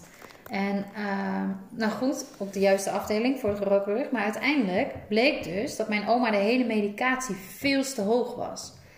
Ehm, waar ik eigenlijk ook al achter zat. Want doordat ik dus bij de dokter in het begin aan de bel Ja. trok van eh, delirium en zo. En dat we naar de medicatie. Dat ik echt dacht van waar, waarom krijgt ze dat allemaal? En, nou ja, en toen bleek dus ook dat, er, dat ze veel te hoge doseringen kreeg. En dat haar hele kaliumgehalte eh, niet meer klopte. Waardoor zij dus iedere keer viel. Oh. Ehm, maar goed, toen moest mijn oma dus op een vochtbalans, eh, zeg maar, om dat Ja. weer te herstellen voor dat kaliumgehalte, mocht zij niet te veel vocht. Eh, maar goed, ook daarin heb ik weer gezien dat eh, je zoveel verpleegkundigen die natuurlijk hun uiterste best doen Ja, en de zorg dragen, Ja. maar dat daar zoveel dingen in gebeuren, dat je zo alert moet zijn daarin. Eh, want mijn oma mocht dus maar een liter vocht per dag. Nou, dat is echt heel weinig. Ja, ja, maar dat, dat, dat kon niet meer. eh, ja, dat moest echt weer in balans komen. Maar goed, uiteindelijk eh, zagen wij dus heel vaak weer dat ze dus te veel had gehad, want het moest bijgehouden worden. Ehm, en uiteindelijk kwam zij dus in een revalidatiecentrum terecht. Nou, daar werd helemaal er niet naar gekeken. En hoe vaak daar ook weer zeiden van... Hallo, dit mag niet en dit kan niet. En je merkte aan haar gelijk dat er weer een bepaalde verwardheid ook eh, ontstond. Maar goed, ehm, er wordt heel snel weer verwezen van... Oké, ze moet ehm, naar... eh, hoe heet dat ook alweer? Eh, hoe heet die afdeling nou? Als je nou verward bent. Nou ja, goed, ik kom er, ik kom er even niet op. Maar terwijl ik zoiets had van, ja, weet je, mijn oma is onder voet. En we kunnen wel doen alsof ze al dement aan het worden is. Maar dat is totaal niet Nee. eh, aan de hand. En ehm, uiteindelijk is mijn oma dus in een bejaardentehuis gekomen. En heb ik met mijn oma gepraat over de voeding. Eh, van oma, ik kan u eh, ondersteunen met voeding. En ja, daarin, op dat moment, ben ik ook echt weer teruggezakt naar mijn plek. Omdat mijn oma ja, is ook zo geprogrammeerd dat ze heel erg doet, denkt: oké, eh, nee, de dokters weten waar ze het over hebben. En eh, ja, dat ga ik doen. En ik zeg niet dat ze niet weten waar ze het over hebben. Maar goed, er wordt niet eh, verder gekeken naar een voedingspatroon. Nee. Of, of, en dat vind ik echt in het nu, ook met het corona gebeuren. Dan Ja. denk ik, oh, Er is zoveel winst te behalen. ja. En dat vind ik zo ontzettend moeilijk. Ehm, maar goed, ik heb het aan mijn oma gevraagd en ze was echt heel duidelijk. En ik heb dat kunnen accepteren in het nu, ook al vind ik het nog heel erg moeilijk. Om te zien, om Ja. aan te zien, zeg Ja. maar. Want je weet gewoon wat de mogelijkheden zijn. Ja, En, maar goed, weet je, dat is gewoon... Ik heb gewoon zo geleerd, je kan... Als iemand niet open staat, dan kan je er niks mee. nee. Het moet echt een wil zijn en, en dan is er een weg. Ja, En ehm, ja, want anders is het ook best lastig, hè? Want het is een hele Ja. andere manier van eten. Het is niet dat je eh, de supermarkt inloopt en dat je eh, standaard, eh, standaard maaltijden zeg maar, eruit kan halen. Je moet het echt wel even omschakelen. En als je er niet echt voor open staat, dan, dan is het ook best zwaar. ja, ja. Terwijl je heel lekker kan eten. Nou ja, echt. Want inderdaad, dat mensen zeiden van... Oh, maar dan mag ik echt helemaal niks. Nou, echt, er is zoveel mogelijk. Ja. En eh, ja, we zitten misschien soms wel zo vast in geëikte patronen. Maar echt, het, het is echt... Je kan zoveel kanten op. Ja, Het is echt, ja, echt, echt wel te proberen waard. En ehm, ja, ik, ja ik, ik vind het allemaal echt gewoon onwijs prachtig eh, wat ik heb ontdekt en wat ik heb mogen leren. En ik wilde daar heel graag iets mee doen. Ik wilde heel graag mijn ervaringen delen. Ehm, eh, ja want je bent op een gegeven moment een website heb je, ben je gestart. ben ik gestart omdat ik dacht, ja, ik wil gewoon delen gaan. Ja, Vrijblijvend mensen delen. moeten dit horen. Mensen moeten dit horen, inderdaad. En ehm, er zijn natuurlijk talloze coaches die echt natuurlijk ook met hun beste intenties doen. Maar ik vind het, mijn gevoel dacht ik van ja, het mag niet zoveel geld kosten om, om dan richtlijnen te krijgen wat er mogelijk is. Eh, dus mijn, ja, mijn website was echt van mensen, ik verkoop jullie niks. Eh, ik wil gewoon delen wat ik heb meegemaakt en wat mijn stappen zijn eh, geweest. En ehm, weet je, haal daaruit wat jij denkt van oké, dat voelt goed voor mij. Ja. Of daar kan ik ook eens naar gaan kijken. Of ehm, ja, dat, dat, ja dat, dat wilde ik heel graag. En ehm, uiteindelijk vond mijn man het niet zo leuk, omdat er best wel wat tijd in ging zitten. Ehm, en er eigenlijk geen interactie was. Dus ik was heel erg bezig, maar ik dacht eigenlijk, ja, wie, wie leest dit? Of tenminste, ik kreeg er weinig eh, op terug. Ja, ik kreeg op een gegeven moment wel dat ik merkte dat mensen het wel eens degelijk lazen. Omdat ze dan zeiden, hé, hey, ik heb al eventjes niks meer van je gelezen. En wat leuk wat je doet. Ehm, maar dat er ook, ja, sommige mensen het ook confronterend vonden. Ehm, dat ze dachten, ja, dat ze er weinig over durfden te zeggen. Omdat ze dachten, oh, dan moet ik wel heel veel veranderen, zeg Ja. maar, of zo. Ja, Dat daar ook wel iets in lag. Eh, maar goed, toen dacht ik, ja, nou ja, coach gaat hem niet worden. Omdat ik het gewoon moeilijk vind om inderdaad eh, eh, te ontvangen van zulke hoge bedragen. En ook al geef ik er dan wel iets voor terug, maar ja, dat is gewoon geen geheim. En dat kan je ook zelf ontdekken. En toen dacht ik, ja, maar wat wil ik dan? Mijn kinderen zijn dus wat groter aan het worden. En ehm, ja, ik heb gewoon meer tijd. ja, eh, die ik eigenlijk wel nuttig wil besteden. ja. En zeker omdat je zo'n mooi verhaal hebt. Dus Ja. je wil daar mensen mee helpen. Ja, en toen kwam ik dus uiteindelijk ehm, eh, dat ik dacht, ja, ik heb het kappersvak. Eh, ik ben al twintig jaar kapster. Het gewone kappersvak wilde ik niet in terug. Omdat ik, ja, de chemie staat me echt totaal niet aan. En ik vond het ook nooit mooi. Ik vond het veel te veel pruikeffect eigenlijk. En ik straal echt uit, vind ik, als ik het niet mooi vind. Ik kan Oh ja. heel moeilijk doen alsof. dat, dat gaat niet zo goed. Dus dat valt aan alle, ook al zeg ik het niet, maar dat valt aan, aan alles af te lezen. Ja, ja. Ehm, dus ja, dat, dat, was wel dat ik dacht van ja, oké, maar ik vind het vak wel heel erg mooi, want het is een stukje ehm, creatief. Eh, een stukje verzorging voor de mensen, eh, ook voor ze er zijn. Want ik vind het zo belangrijk dat iemand er mag zijn. Ja. Eh, hoe je ook bent, maar je mag voor mij altijd zijn. Ook al zitten we niet op één lijn, je mag zijn. Ehm, en inderdaad niet dat, dat nummergevoel. Ik heb ook in mijn hele zoektocht, en dat als ik naar een arts ging of zo, dat ik altijd zo dat nummergevoel had. Ja. En dat, dat vond ik altijd verschrikkelijk. En ehm, eh, dus ik ben ja, toch gekomen op eh, eh, dat ik mijn bio-hair wellness salon ben gestart. En ik werk dus echt met biologische producten en met plantenkleuringen. Heel cool. Echt bestaande uit echt gestampte onderdelen van een plant. Helemaal gemalen en dat met gekookt water en daarmee kan je haren kleuren. Ik zag toevallig een foto voorbij komen op Instagram vandaag. Ja. Toen dacht ik, hè? Ik ken dit helemaal niet. Ja, ja. Super cool. Ja, het is echt, eh, Ja. ja. echt su- super gaaf. En ehm, ja, ik, ik geef dan ook oil treatments, wat eigenlijk in gewone kapsalons ook niet wordt gedaan. Dat echt van tevoren als iemand komt voor het wassen, dat je dus eh, een oil treatment doet met etherische olie, waarmee je ook hoofdhuidproblemen kan aanpakken. Eh, en dan mensen even heerlijk onder een stoomkap eh, zetten. Ehm, ja, en echt even dat stukje wellness mee kunnen Ja, geven met hoofdwasmassage. En dan inderdaad iemand knippen, maar ja, echt bewust knippen. En ehm, ja, ja, gewoon alles bij elkaar. Ben ik dus nu net, eh het is de vierde week, ben ik gestart. En ja, ik vind het echt fantastisch. Echt, eh, Wat om heerlijk. te inderdaad mogen doen wat je energie geeft Ja. en wat je niet energie kost. Want dat is ook heel belangrijk. Dat je inderdaad luistert naar je lijf. Ehm, inderdaad, eh, dat je niet jezelf voorbij loopt. Ehm, want dat is ook wat ik ook geleerd heb inderdaad qua batterij. Weet je, op een gegeven moment als je s'avonds in je bed ligt en je laat eigenlijk op in je slaap. Eh, dan moet het zo zijn dat je s ochtends met een volle batterij eigenlijk weer begint. Ja, En eh, tot aan het einde van de dag daarmee kan doen. En als jij dus eenmaal al diep in de min staat voordat je gaat slapen, ja, dan kom je nooit meer helemaal met die opgeladen batterij. En het is zo belangrijk om inderdaad naar je lijf te luisteren van oké, ehm, eh, ja, dat je wel die balans een beetje, weet je, helemaal in balans kom je niet. Het blijft Nee. een weegschaal met, ja. met min en plus. Maar goed, het is zeker wel haalbaar om, om ja, een end te komen. ja, en ook vooral goed kijken.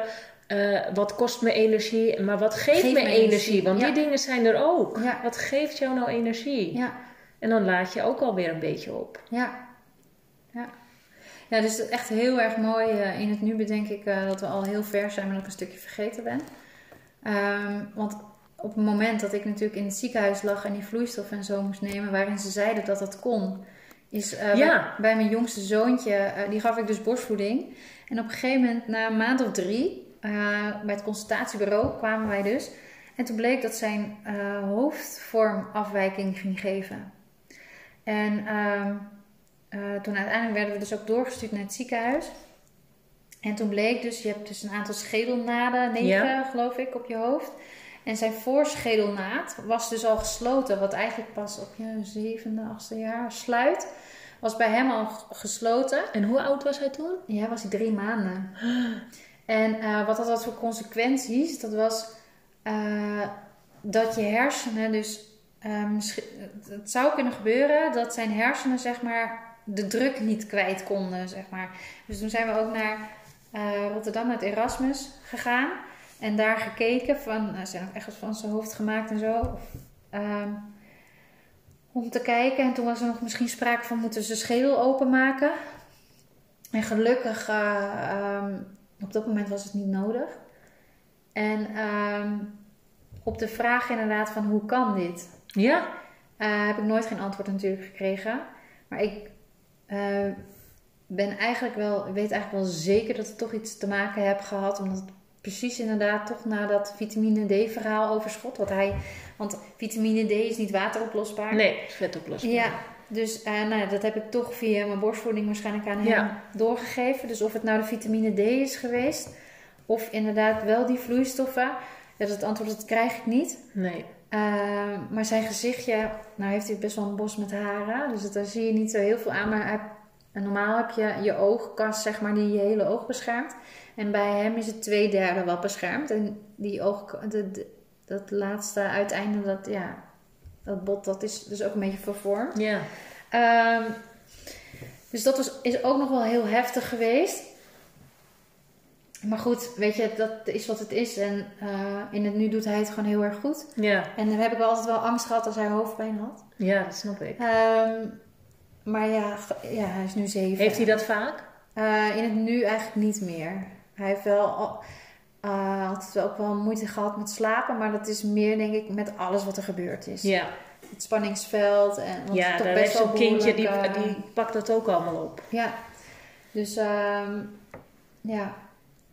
En eh, qua lijfelijk, voordat ik dus naar mijn eh, echt ziek werd, zeg maar, ehm, na mijn eerste twee zoons ehm, ben ik eigenlijk ook al veel bij de huisarts geweest. Ehm, maar goed, toen speelden er andere rollen mee waardoor ik heel erg gespannen eh, was. Eh, en toen ben ik zelfs nog aan antidepressiva gezet. Oh, echt waar? Ja. En eh, ehm, ik moest met psychologen gaan praten. En ja, daarin heb ik ook wel even veel meegemaakt. in de zin van, want als ik dan bij een psycholoog kwam, ik kan heel goed mijn praatje houden. is niet te merken. nee, heerlijk. Ik hou ervan. Maar eh, ja, weet je, ik kan ook gewoon doen alsof het over de buurman gaat. Oh ja. Dus ehm, ja, ik had drie psychologen gehad. En bij de een dacht ik, ja, wat doe ik hier? Ik ben alleen maar aan het ratelen en er gebeurt niks na een aantal keer. Bij de, en toen dacht ik, ja, hier ga ik niet meer heen. Toen ging naar een ander en eh, die stelde me vragen dat ik dacht van, doe je je huiswerk niet goed? Ehm, want dat heb ik je de vorige keer verteld. Lees je even in het.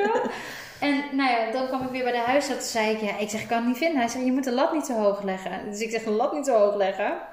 Mensen verwachten van mij toch ook als ik mijn werk doe, dat ik mijn werk goed doe. Dus dat vond ik heel vreemd. Ehm, en op een gegeven moment, nou dat antidepressiva, daar werd ik eigenlijk alleen maar nog moeier van. Ja. Ehm, ik heb dat toen niet verteld hoe erg het was met mij. Want ik was toen, ja, ik voelde niet. Of tenminste, en ik durfde ook niet te laten, of tenminste, ik voelde wel.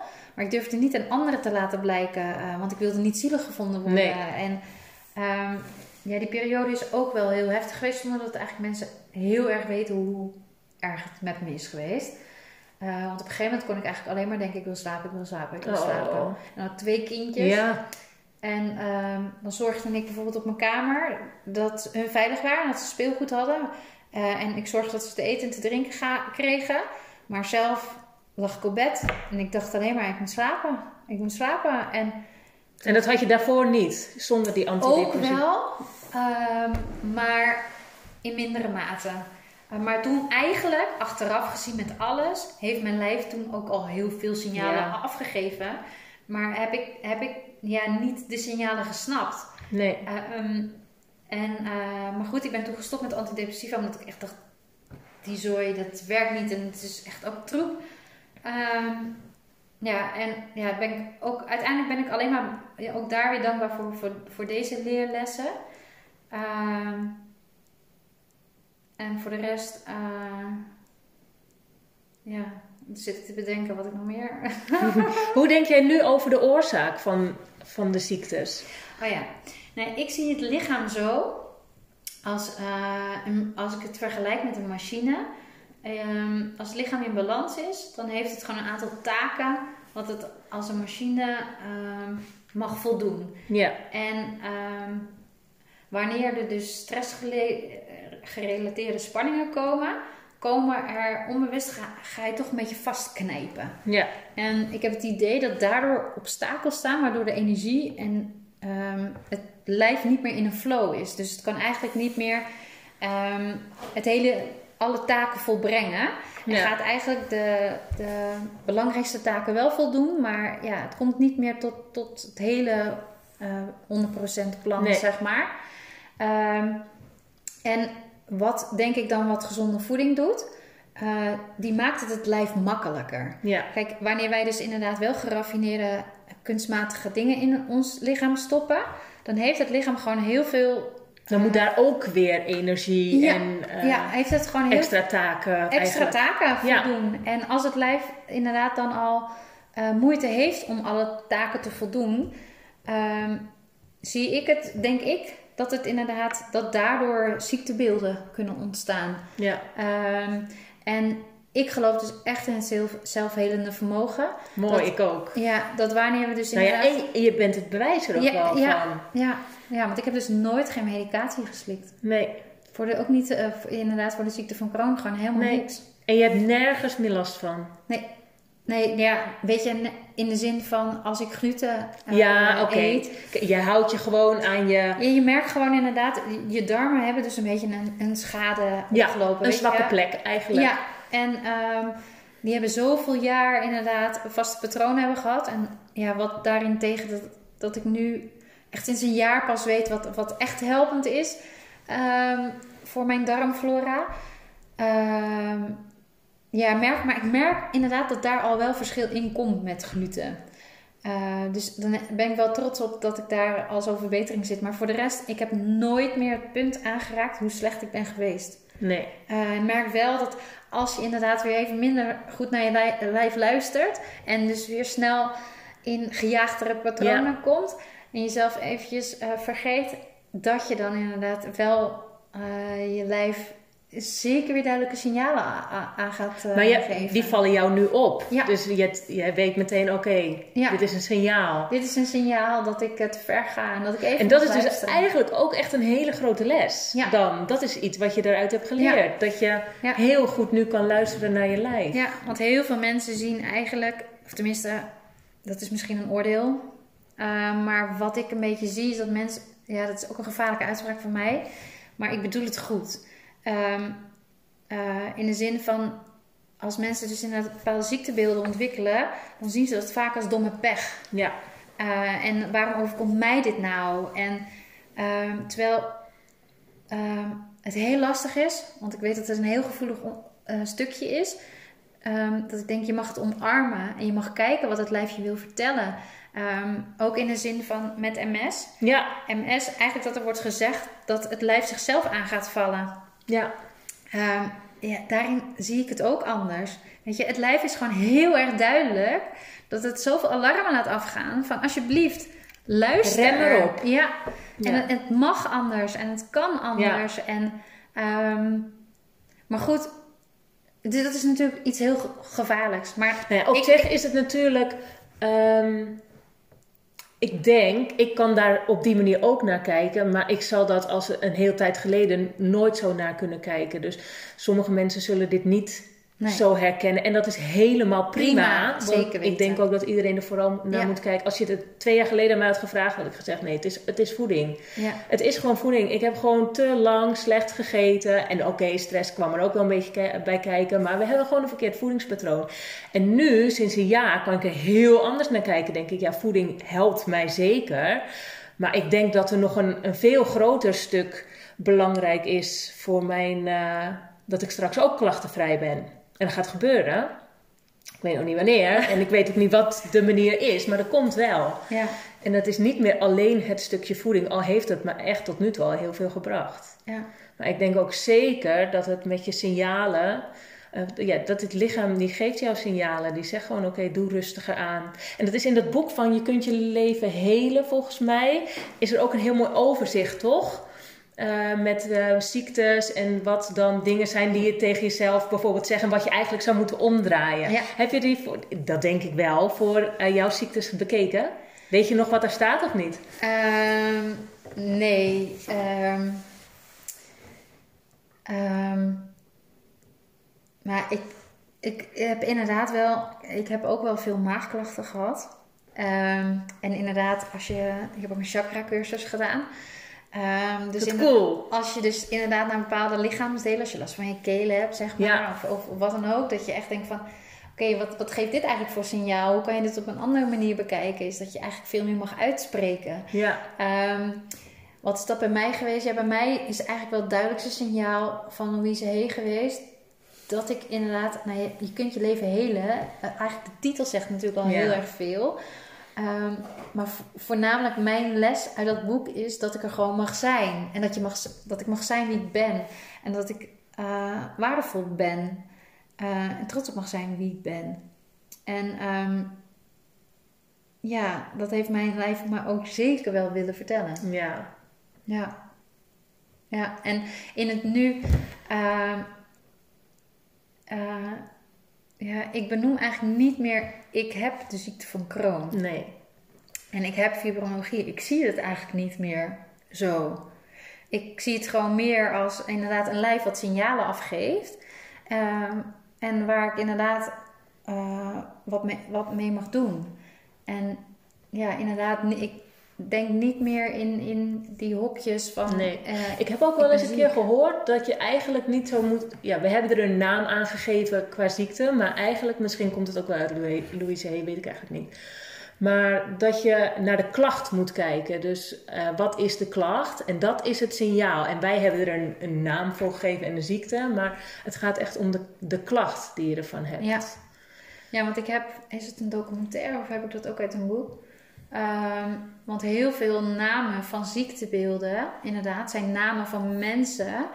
eh, ehm, die professoren die dus iets hebben ontdekt Ja. aan dat bepaalde ziektebeeld.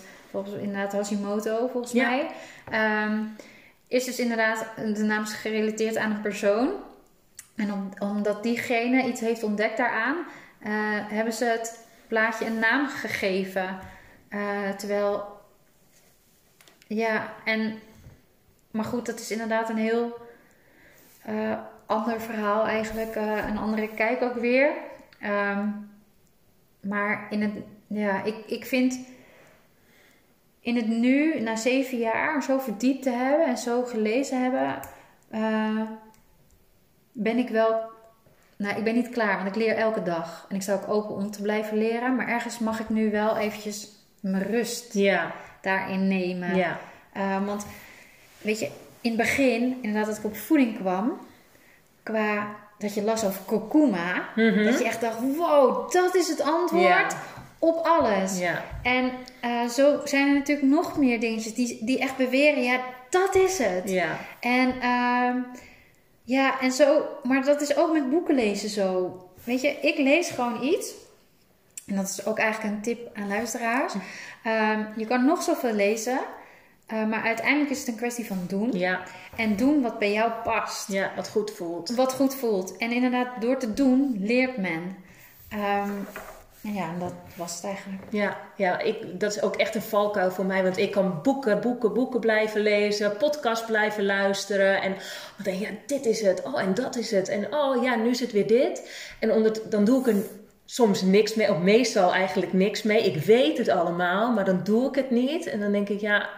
Zo, ik weet niet of je Lou kent. Die zegt ook altijd, je moet het niet eh, lezen. Je moet het leven. Je moet het echt doen. Ja, dat is eh, nu mijn leerpunt. Ja, ja ben ik het helemaal mee eens. ja.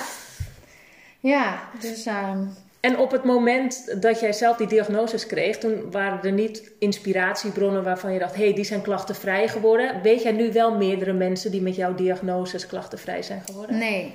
Nee, ik heb naar jouw podcast geluisterd dat je deze vraag Oh. stellen.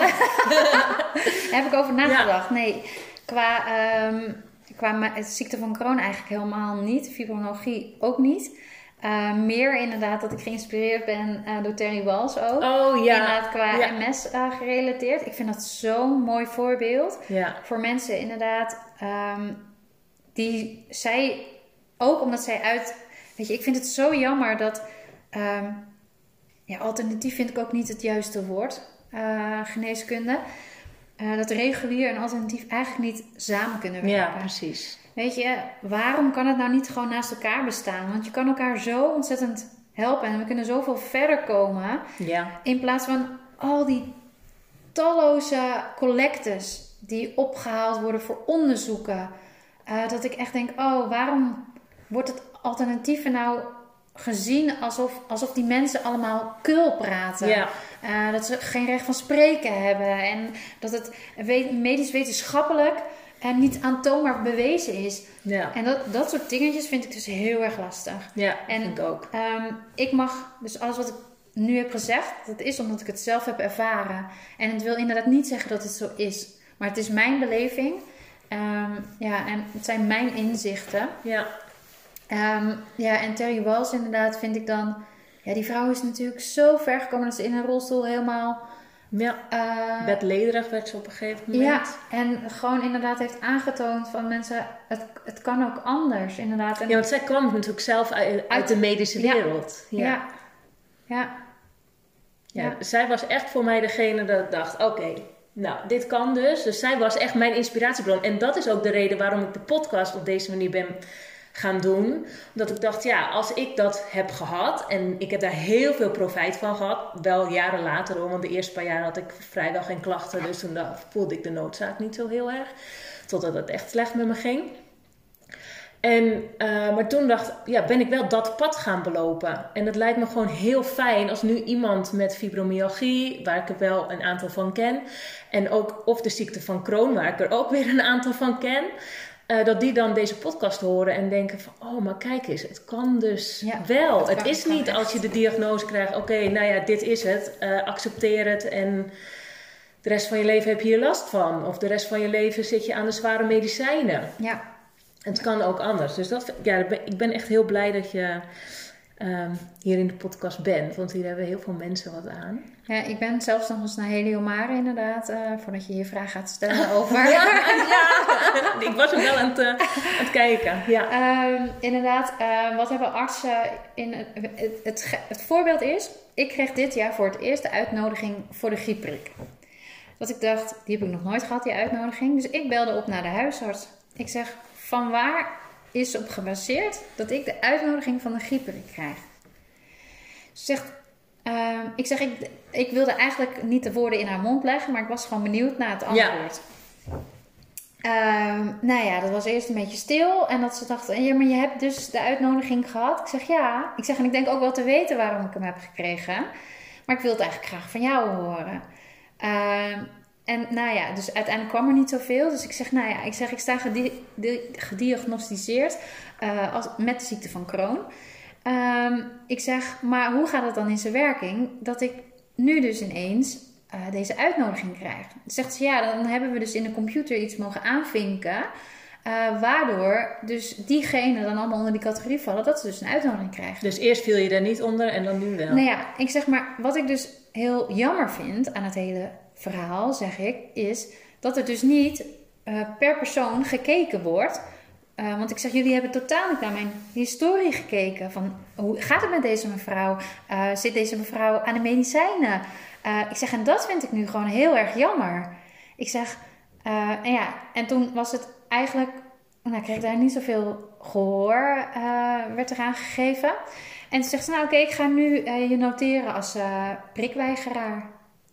En toen dacht ik echt, nou ja, ik weet je, heel erg jammer dit. Ja, Maar goed, maar het klinkt zo negatief. Ja, Prikweigeraar. prikweigeraar. En eh, nou ja, ik probeerde dus inderdaad, want ik kreeg dat ik zei van ja, ik vind het jammer dat je niet per... Ja, maar mevrouw, we hebben zoveel patiënten, dus we kunnen niet voor ieder eh, voor zich gaan kijken of het wel nodig is of niet. En dat vind ik heel erg. Ja, Ehm, waardoor we inderdaad weer op nummergevallen komen. ja. En ehm, ja, dan weer het stukje van mijn oma's verhaal, zeg maar. Wat dan gewoon standaard, maar preventief allemaal wordt gegeven. Eh, dat dit ook weer een stukje. En ja, daarin mogen we echt wel allemaal eh, wakker worden. Ehm, en bewust worden wat er echt daarin... Ja, maar heel veel mensen vertrouwen natuurlijk ook, nou ja, de meeste mensen eigenlijk gewoon van eh, dat dat allemaal heel goed geregeld wordt of zo. Maar je moet eigenlijk, dus jij geeft al heel veel voorbeelden, dat je heel alert moet zijn op wat er, ehm, Ja. wat er gebeurt. En Maar moet je, je, je, hoeft je toch niet af te melden voor de griepprik? Ik, ik krijg hem altijd binnen. Ik ga er eigenlijk gewoon nooit heen. Ik, ik bel niet dat ik niet kom, maar... Nou ja, ik heb het eh, zo gedaan. Oh ja. En ik heb qua Heliomare, eh, qua het fibromyalgie-programma, vond ik het eigenlijk in het begin heel erg belangrijk. Of tenminste vroeg ik me af waarom ze het voedinggedeelte er niet in hadden zitten. Ja. Dus heb ik nog aangegeven van, ik zou wel als ervaringsdeskundige bij jullie mijn verhaal willen delen. Ja. Ehm, en ook qua voedingsbetreft, wat dat voor voordelen ook kan bieden en zo. Maar daar is ook totaal, is daar, eh, ja, is daar niks mee gedaan. En ehm, ja, jammer. Ja. Eh, Maar hoe verklaren zij dat jij nu eh, klachtenvrij bent? Wat zeggen zij daarvan? geen idee, want eh, voor de rest niemand... eh, Vraagt ernaar. Nee. Nee. Nee. Nee. Jammer eigenlijk. Want het zou zo mooi zijn als je nu. ehm, bij, dat je een huisarts kan laten zien van joh, kijk, dit heb ik gedaan. En dit is er met mij gebeurd. Dit is hoe ik mij nu voel. Misschien als er andere mensen bij u komen, kan je vertellen dat er meer mogelijk is. Ja. Ja, gelukkig hoor je wel steeds meer dat er wel wat meer huisartsen opstaan. Ehm, ik heb nu zelf het, eh, waar ik eigenlijk had besloten om even een tijdje alle boeken te laten rusten, heb ik nu, uh, omdat ik een podcast had geluisterd uh, van uh, Richard de Let en Lineke van der Grient. dat is een huisarts. Ja. En um, ik heb toch het boek van haar besteld, Studeren bij medicijnen of geneeskunde. Omdat ik echt, ehm, ja, dat ik, ook al weet ik al uh, natuurlijk zelf uit ervaring al zoveel, vind ik het zo mooi dat deze vrouw open staat ja. uh, om, om ja, ook via de andere, een andere kijk op, op, op de aanpak uh, te zien. dus ik ga zeker dit boek wel lezen. En, en, je ziet het gelukkig ook wel steeds meer. Dat ja, er huisartsen. Maar nog te weinig. Ja, zeker. Zeker te weinig. Maar echt denk ik al meer dan tien jaar geleden. Of het kan ook zijn dat, ik, dat ze me nu opvallen omdat ik er nu gewoon op let. Dat kan natuurlijk ook. Maar ik ben wel blij dat er in ieder geval een soort van verschuiving in zit. Ik kreeg laatst een mailtje van mijn oude uh, huisarts. En um, ook mijn oproep in de krant, die had hij gelezen. En toen ging hij me toch even een berichtje sturen. En ook dat hij zich steeds meer bewust was en ertegen um, erachter kwam hoe we eigenlijk zoveel met medicijnen bezig zijn en dat de darmen zo belangrijk zijn. En ik was zo blij gewoon met dat mailtje. Niet eens omdat ik er. Ja, ik, ik, haalde er dingen uit en ik herkende er heel veel dingen in. Maar gewoon vooral dat ik dacht: oh fijn, weer een huisarts die toch nog iets verder kijkt. Ja. Echt heel fijn. Ja, bij ons zijn er denk ik te veel verschuivingen qua huisarts geweest. Oh, ja. Dus inderdaad, ik ben uh, waar ik bij de huisarts heb gelopen met, met Um, toen toenmalige heel heftige klachten, die huisarts is er niet meer. Nee. Dus wie weet inderdaad dat dat uh, ja, misschien wel daar een stukje in meespeelt. Uh, maar goed, ik heb ook niet de behoefte inderdaad um, om discussies aan te gaan. Nee. Of, of, iets of wat dan ook, weet je. Ik ben gewoon heel erg dankbaar. En ik wil delen en iemand mag eruit halen wat ze willen. En voor de rest is het wat het is. Ja. En uh, ja, gewoon echt wel heel blij met deze podcast. Dat ik nu een keer via sprekende wijs mijn verhaal. Um, Vertel toch wat makkelijker, want je hebt, Ja. je hebt een heel mooi verhaal. Een, Ja. een lang verhaal, maar ik denk juist heel fijn. ja, En eh, dat is toch wel veel om, om uit te typen. En dan kan je het ook niet zo mooi overbrengen als dat je het gewoon lekker Nee. vertelt. dus als er mensen zijn die uh, nog meer tips en nog meer dingen willen horen, dan mogen ze lekker bij mij in de salon komen. Ja, En heel dan, goed. eh, kan ik ze laten stralen en ja, via die weg uh, wil ik. uh, En kan, en kan je ze misschien al, e- wat is jouw nummer één tip? Dat je zegt van, nou, daar zou ik mee beginnen. Of, eh, Ehm, ja, de aller, allerbelangrijkste tip is echt wel van jezelf leren houden. ja, dat denk ik ook. Ja, dat je niet zo streng bent voor jezelf. Dat je niet boos wordt op jezelf als je iets niet goed hebt gedaan. Of dat je het gevoel hebt dat je weer gefaald hebt. Want je faalt nooit. Weet je, het is gewoon, je leert gewoon door, door te vallen. Ja, en weer op te staan. En weer op te staan. En dat is echt wel de nummer één tip. En dan inderdaad, Mooi, daarna, mooie tip. daarna de nummer twee tip is echt wel bewust worden van hoeveel excuses wij maken. Ja. Ja, maar als dan, want. Ja, En als je daar al ook bewust van mag worden en dan ook niet boos op jezelf worden als je bewust wordt dat je dat doet. Want het wordt steeds beter als je daar Ja. bewust van wordt. En nou ja, voor de rest heb ik alles denk ik wel gezegd. En denk ik dat wij eh, misschien ooit nog een andere podcast over school eh, kunnen opnemen. ja, ja, leuk. Want ook daar inderdaad heb ik heel veel te vertellen eh, qua... Je kan bijna gewoon een eigen podcast beginnen. Ja, ja ik heb echt wel heel, veel, ja, heel veel te verkondigen eigenlijk. Ja, want daar in het onderwijs ja, er zitten ook heel veel ja, mooie inzichten. Maar goed, daar gaan we het nu niet over hebben. Nee. Ehm, nou, ik, ehm, ik denk dat je alles verteld hebt wat ik heel graag van je wilde weten. Ehm, ja, ik, ik kan alleen maar zeggen, ik vond het echt een heel fijn gesprek. Ik vond het heel erg leuk. Ik weet zeker dat anderen hier iets aan hebben gehad. En dan wil ik gelijk eventjes aan de luisteraars vragen of ze dat ook met ons willen delen. Want het is alleen maar heel erg fijn. Eh, dat we weten waar we het voor doen. Wie we misschien een klein zetje hebben kunnen geven. Ehm, of misschien heb je nog vragen, dat kan natuurlijk ook. Maar laat het vooral even weten. En mocht je nou iemand kennen met dezelfde diagnoses, zou je dan de podcast alsjeblieft willen delen. Nou, Desiree, uh, ik wil je heel erg bedanken. Nou, jij ook onwijs bedankt. Ja, graag gedaan. Ik vond het leuk.